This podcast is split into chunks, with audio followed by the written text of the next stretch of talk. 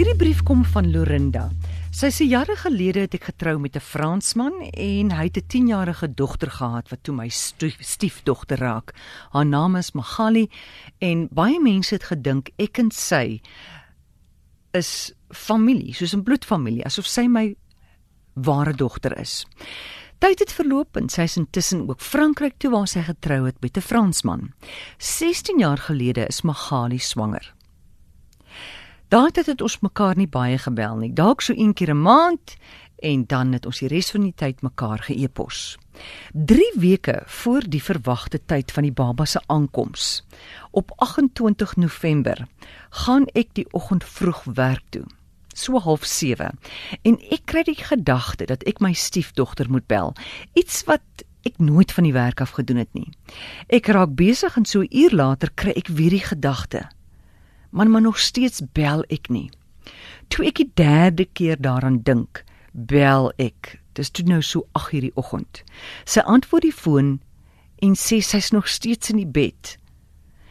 Sy dink sy het iets verkeerd geëet want sy het 'n verskriklike maagpyn, nie 'n kraampyn nie, net 'n maagpyn. Ek sê dat, dat sy moet onmiddellik opstaan en sy moet gaan na die kliniek dadelik. Sy sê maar dit is glad nie 'n kraam uh, sy ek sê gaan. En ek dink nie weer daaraan nie.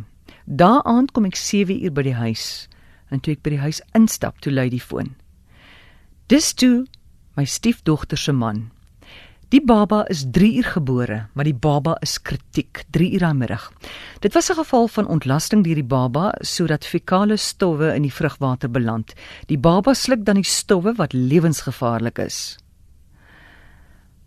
As sy maar net effe later by die hospitaal aangeland het, sou sy waarskynlik nie oorleef het nie. Sy was amper vir 'n maand in die hospitaal en daar was vrees dat sy verstandelik aangetast kon wees. Toeval of beskermingsengel?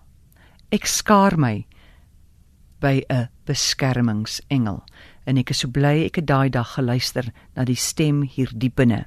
My kleindogter is vandag self 16 jaar oud.